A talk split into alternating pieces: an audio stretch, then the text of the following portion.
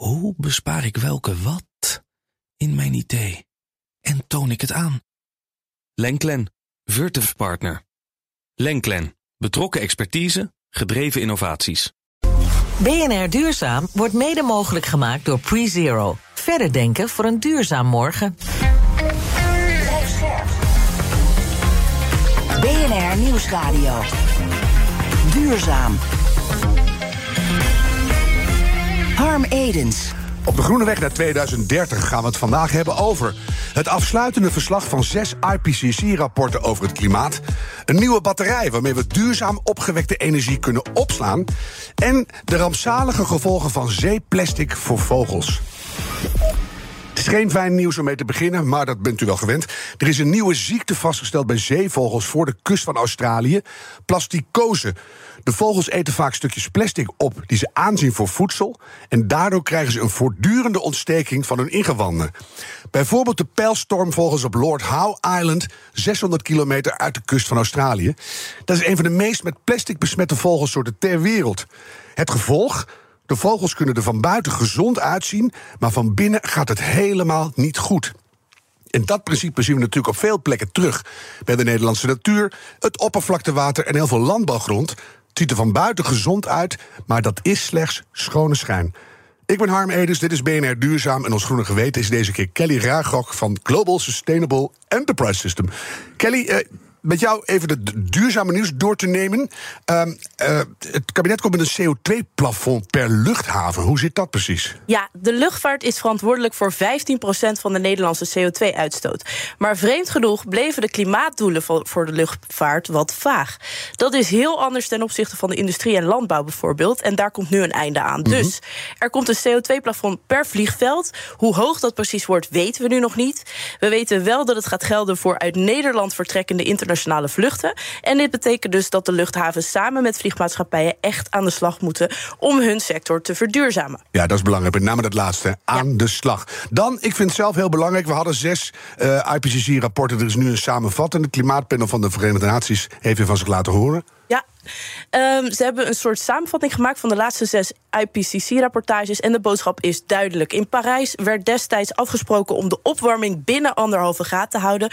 Maar dat doel is nu, acht jaar later, eigenlijk niet reëel meer. Er worden voortdurend beloftes gedaan, maar de uitstoot van CO2 blijft nog steeds toenemen. En dat heeft natuurlijk grote gevolgen voor miljarden mensen. Mm. Voedselzekerheid, droge voeten, het hangt allemaal met elkaar samen. Ja, en wat er ook in het rapport staat, wat toch nog een sprankje hoop geeft. Als we technische innovaties koppelen aan gedragsverandering, dan is 2 graden echt nog heel goed haalbaar. Dus maar wel echt snel aan de slag. Hè?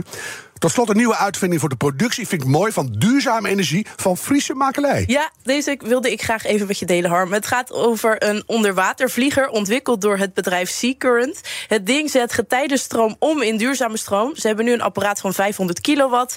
En met twee van deze vliegers kun je ongeveer 1200 woningen van stroom voorzien. De eerste proef vindt nu plaats op Ameland. En na zon- en windenergie hebben we nu dus ook energie van de maan. Mooi, hè? Mooi. BNR Duurzaam. Een batterij die oneindig veel groene stroom kan opslaan. Dat wordt gezien als een van de grootste bottlenecks in de energietransitie. Want zolang we die niet hebben, kunnen we niet goed van die fossiele energiebronnen af. Een Nederlands bedrijf zegt deze technologie nu te hebben ontwikkeld. Elestar heten ze. En de CEO is hier. En hij ziet er helemaal niet uit als een CEO. Guido D'Alessi, fijn dat je er bent. Ja, dankjewel. Ja, je bent gewoon niet een archetypische CEO. Vind ik wel leuk. Hoe werkt die batterij van jullie? Uh, ja, die batterij dat is heel wat anders dan iedereen, uh, iedereen gewend is. Hè? Van, van mobieltjes tot auto's en misschien een container. Mm -hmm. uh, deze batterij werkt op een heel ander principe. We werken met heel andere stoffen, in ons geval waterstof en broom. En voor die batterij heb je hele grote tanks nodig om dat waterstof en broom op te slaan. Ja. En die, die twee tanks die communiceren met elkaar door een wij noemen een membraanstek. Het wordt al gelijk heel technisch. Nee, zo'n uh, ding waar je door twee kanten of één kant doorheen dat kan. Is eigenlijk, en dat is eigenlijk het hart van het systeem. Uh, dus nou, de grootte van die tanks die bepalen hoe lang die batterij meegaat. Hè, dus hoe lang de periodes die je kan overbruggen. En het aantal van die membraansteks, die bepalen het vermogen van die batterij. Ja, ja. En dat is eigenlijk een heel groot verschil met conventionele batterijen. Dat vermogen en capaciteit, de megawatt en de megawatturen dat die niet aan elkaar gekoppeld zijn. Ja, die liggen vast eigenlijk en hier kan je het uh, variabel insteken. Ja, Mooi. En in tegenstelling tot die meeste andere batterijen... kan je de capaciteit ook vrij eenvoudig uitbreiden. Dat klinkt ook als goed nieuws. Nou ja, wat ik eh, precies zei, hè, de, de, de volumes van de beide tanks die bepalen de capaciteit, de megawatturen. Ehm nou ja, die kan je dus eh, gewoon twee keer zo groot maken. En moeilijker is het ook niet. Dan heb je twee keer zo groot. Ja, vind ik wel lekker dat het ook gewoon dan twee keer zoveel is. Ja. Ja. Het is, we zitten op de radio, maar kan je een beetje beeldend en met wat kleurgebruik beschrijven hoe zo'n installatie voor jullie eruit ziet? Wat zie ik voor me? Ja, er zijn, er zijn verschillende vormen. Laat ik zeggen, de, de kleinste batterij, dat is misschien ook een beetje om het te, te framen. Het gaat hier om, om groot en heel erg groot. De, de, de kleinste batterij heeft zo ongeveer de afmetingen van een zeecontainer. Oh ja. Nou, dan heb je daar nog een tank voor nodig eh, voor het waterstofbromide. Ehm, die kan je ondergronds aanbrengen. En dan kan je dat, eh, de andere tank, daar wordt waterstof in opgeslagen. Dat kan je doen in een doom, die kan dat doen onder druk. Maar je kan hem ook koppelen aan een waterstofpijpleiding. Ja. En dan, dan, kan je nog een beetje, nodig. beetje camoufleren en een beetje. eh, Dan, kan, het kan redelijk onschuldig. Precies. En er is eigenlijk nog maar één vraag belangrijk. eh, of twee. Hebben we genoeg broom in de wereld om dat te doen? En is broom en of waterstofbromide gevaarlijk? Eh, op je eerste vraag in te gaan. Ehm, er is echt astronomisch veel broom in de wereld. Nou, dat is een goed nieuws. Ehm, er is, ik heb pas nog opgezocht, eh, 100 triljoen ton van. dat is echt eh, enorm. Ja. Al eens uitgerekend, als je alle batterijen in de wereld ervan zou bouwen... dan heb je iets van een tweeduizendste van een procent van alle reserves nodig. In heel de wereld tot 2050. Ja. Dus dat, is, dat gaat nooit op, kan je wel zeggen. Ja, maar dat is belangrijk. Het leuke is iets te ontwikkelen en dan is het al op voor je je testfase uit bent. Dus, het leuke is ook dat het uit zeewater komt. Mhm. Het is ook een bijproduct van zoutwinning. Ja. En dat betekent dat we ook geen economische afhankelijkheid hebben van een beperkt aantal landen die grondstof leveren. of na de mijning, of de, je kan het echt uit het oceaanwater Nee, Je halen. kan het gewoon uit de zee halen. En is het gevaarlijk? Ehm, ja, waterstofbromide. Kijk, je wilt natuurlijk wel een batterij hebben die heel snel heel veel vermogen kan leveren. Mhm. En dan heb je dus stoffen nodig die ook goed reageren. Nou, ja, gevaarlijk is natuurlijk maar, maar een relatief begrip. Je kan ook in een auto rondrijden op waterstof. En daar zit een tankje in met de waterstof op 700 bar druk. Dat is 700 keer de atmosferische druk. Ja. En toch kan je dat veilig maken. Ja, dus de, veiligheid is een kwestie van engineeren. Ja, gewoon, dat kunnen we goed, goed regelen. In welke fase van de ontwikkeling zitten jullie? Want we zitten er met smart op te wachten. Doet hij het al? En kan je al schalen? Eh, ja, hij doet het al. Eh, we zijn al eh, acht jaar bezig met dit bedrijf. Eh, vanaf 2016 eigenlijk pas een team gaan bouwen. Ehm, in de afgelopen jaren hebben we een tiental pilots gedaan. Eerst vijf kleintjes en toen vijf wat grotere. En nu zijn we de eerste installatie aan het bouwen op een eh, seaport van uh, Vopak. Oh, dat is meteen een grote afnemer. En eh, wa- wat voor megawatt eh, prestaties hebben we het dan over? Nou ja, dat gaat in een aantal fases. Hè, want het is, je, je kan aan, het wordt heel goed, heel makkelijk uitbreidbaar. Vermogen en capaciteit. Dus dat, je, je kan met een kleiner systeem beginnen en dat later uitbreiden. En uiteindelijk wordt dat een 250 megawattuur systeem. Dat is een flinke jongen. Dat, is al, dat is al een behoorlijk eh, ding. Ja, mooi. Je kijkt er ook heel trots op. Je bent echt een frisse CEO, is leuk.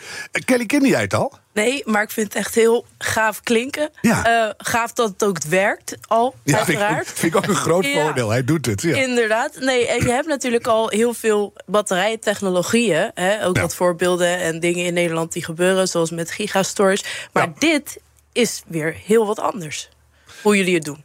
Ja, maar naarmate we in de energietransitie verder komen, hebben we ook andere technologieën nodig. Hè? De- de- ik zeg wel eens, er is geen beste batterij, die hebben wij ook niet gebouwd.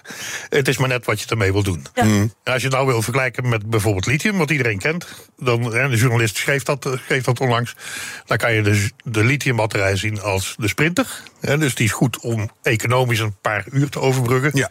En onze batterij is de marathonloper. Daar kan je tot, tot misschien wel een week overbruggen. Ja, En- en dat is belangrijk, Guido. Hè? Want we willen uiteindelijk. Nu wordt er voortdurend gezegd. We kunnen misschien van olie af van steenkool. Maar uiteindelijk dat gas hebben we tot in lengte van jaren nodig. Want die pieken en die dalen, die moeten we opvangen. Dan moeten die gascentrales weer gaan loeien. Dit kan jij opvangen. Ja, maar dat, je, je, je, je noemt daar precies iets eh, wat wij in het, in het, als het eindspel zien. Mhm. Dit is een batterij die uiteindelijk die gascentrales gaat vervangen. Ja, ja. En dan is het een bidirectionele powerplant geworden. Want je kan er ook aan terugleveren. Dat, dat kan je vandaag niet. Hè. Een gascentrale kan alleen elektriciteit. ik probeer het wel vaak, maar dat lukt heel Dat slecht. lukt niet.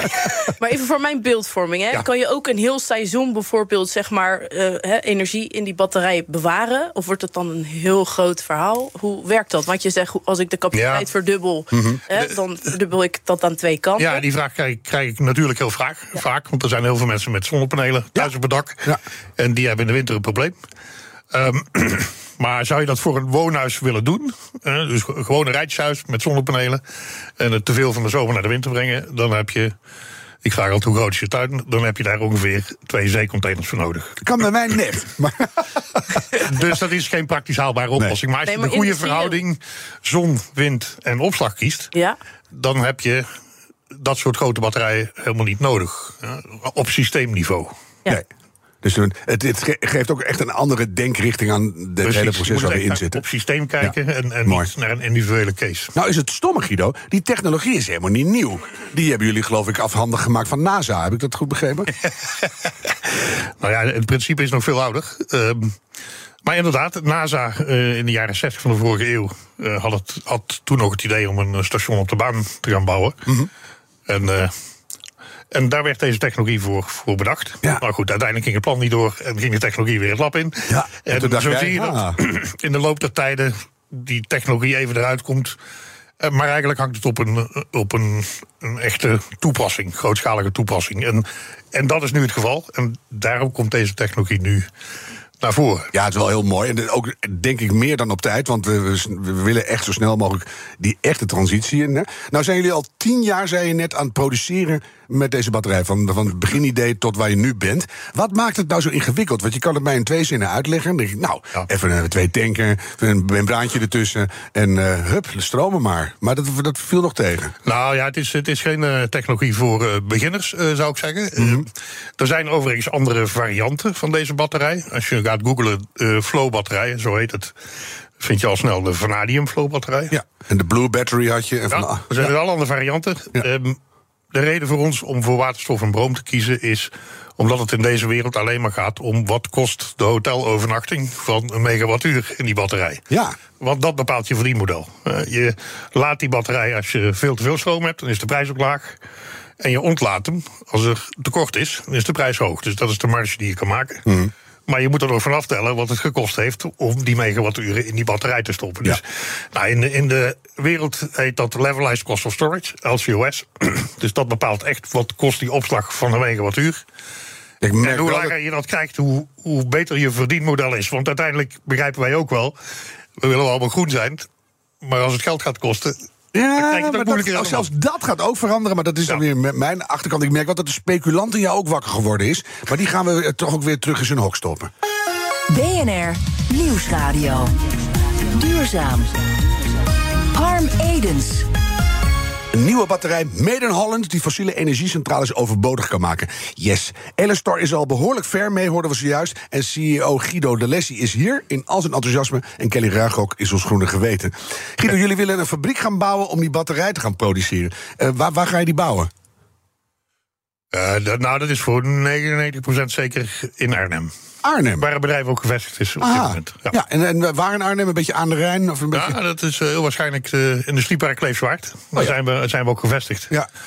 En eh, de grote kans dat het daar gaat komen. Maar de, de, knap, de klap is er nog niet op gegeven. En waar, ligt die klap aan? Wie, wie moet die geven? beginnen? Nou ja, we, we kijken natuurlijk wat, wat de verschillende opties zijn. Ja. En dan stel, op een gegeven moment heb je die fabriek gebouwd. Dan begin je te produceren. Hoeveel batterijen kan je dan maken in welke tijd? Nou, dat, dat wordt dan uitgedrukt in, eh, in vermogen of in capaciteit. hè. Mhm. Dus eh, eh, met de, deze eerste fabriek kunnen we tot 100 megawattuur. Eh twee jaar later moet echt het, het gigawatt-equivalent er komen. Ja. En dan praat je echt over gigawattuur. En waar ligt dat aan die stap? Is dat dat je dan genoeg investeerders ophaalt en uit je verkoop die dingen kan gaan maken? Of is dat ook gewoon een kwestie van doorschalen? Ja, dat heeft zeker ook te maken met, met, eh, met investeringen. Een klein half jaar geleden heeft het bedrijf een eh, dikke 30 miljoen aan investeringen opgehaald. eh, met lead investors Equinor en, en Vopak bijvoorbeeld. Investorel was er ook bij. Ja. En dan zal ik de laatste ook maar noemen. Somerset, Somerset Cap- Capital Wel, Partners. wel zo lief, want anders dan Eh, krijg je weer scheef anders krijg ik dat weer- nee, ja, ja. Ehm, en, en dat is bedoeld om het bedrijf echt in productie te gaan brengen. Dus daar wordt de pilotfabriek van gebouwd. Ja. Maar wil je de gigawatt variant gaan bouwen... dan moeten we nog een stap maken in die richting. Ja. Ja, want die Divopak dingen op zijn volle kracht, dat zijn enorme tanks die je dan nodig hebt. hè? Ja. Maar het is uiteindelijk, want we praten al, wanneer was het? Twee jaar geleden hebben we met 80 bedrijven de elektrificatie van de, eh, de, de grote industrie eh, op de kaart gezet. Wat hebben we nodig? Waterstof en opslagcapaciteit. Nou, die gaan jullie op deze manier leveren. Dus eh, staan ze ook echt bij jullie al aan de voordeur te bellen van jongens, hallo, schiet op, we hebben jullie nodig. Uh, ja, als ik naar buiten kijk, zie ik een steeds langere rijen uh, komen daar. Nee, dat is uh, serieus. Er is echt enorm veel interesse voor. Ja. Maar we moeten, echt naar, we moeten dus echt zo snel mogelijk naar schaalproductie toe. En dan wordt, worden de kosten, de maakkosten ook heel snel heel laag. Hè? Ja, kan je daar iets meer over vertellen? Iedereen, iedereen heeft het nu, heeft, houdt mij de, de lithiumprijs voor. Maar ja, die wordt in gigawatt factories al gebouwd. Terwijl wij de batterijen nog één voor één maken. Ja uiteindelijk kunnen wij, en dat komt zeker door de, de hoeveelheid grondstoffen die er zijn, kunnen wij echt uh, tot, tot een kwart of minder van de lithiumbatterijprijzen komen. Dat zijn los van het feit dat die grondstoffen veel minder vervuilend zijn en veel beter voorradig. Is dat ook wel heel fijn dat het een stuk voordeliger wordt? Hè? Zeker. Ja. kan je een soort. Uh, eerst even waar we die batterijen gaan doen. Dus niet bij uh, huis- en keukentoepassingen. Maar wat zijn de, de top drie tot vijf toepassingsmogelijkheden waarvan jij zegt, daar gaan we die batterijen zien? Dus in de grote industrie, begrijp ik? Ja. nou ja, ik denk dat het voor de hand ligt. Hè. Je, je ziet wel eens de, de kaartjes van Nederland uh, die helemaal rood gekleurd zijn, omdat het net helemaal dik zit.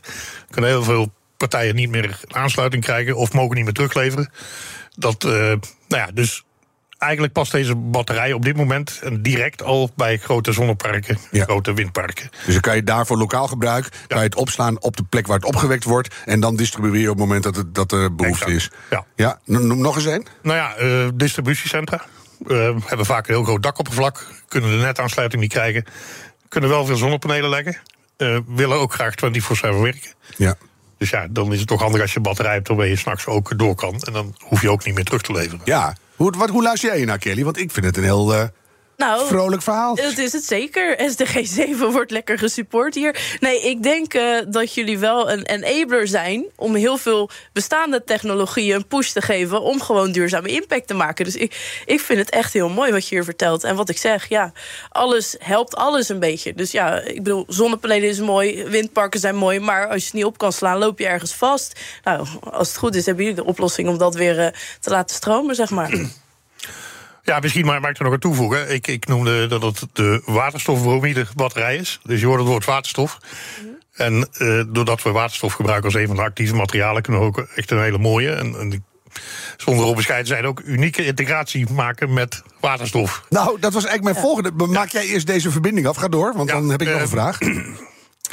Uh, en, en, dat is wel uniek. Hè? Ik zeg wel eens, uh, we hebben de, daarmee combineren we de twee uh, religies. Mm -hmm. en, en, dat krijgen niet veel mensen voor elkaar. Dus nee. Ehm, deze batterij kan ook een hele goede rol spelen om de waterstofproductie veel goedkoper te maken. Maar hoe, even zonder altijd technisch te worden, hoe ziet dat in de kern er dan uit? Waarom wordt het goedkoper? Nou ja, je maakt, om waterstof te maken heb je electrolyzers nodig. Mm -hmm. Die splitsen water in waterstof en zuurstof. Ja.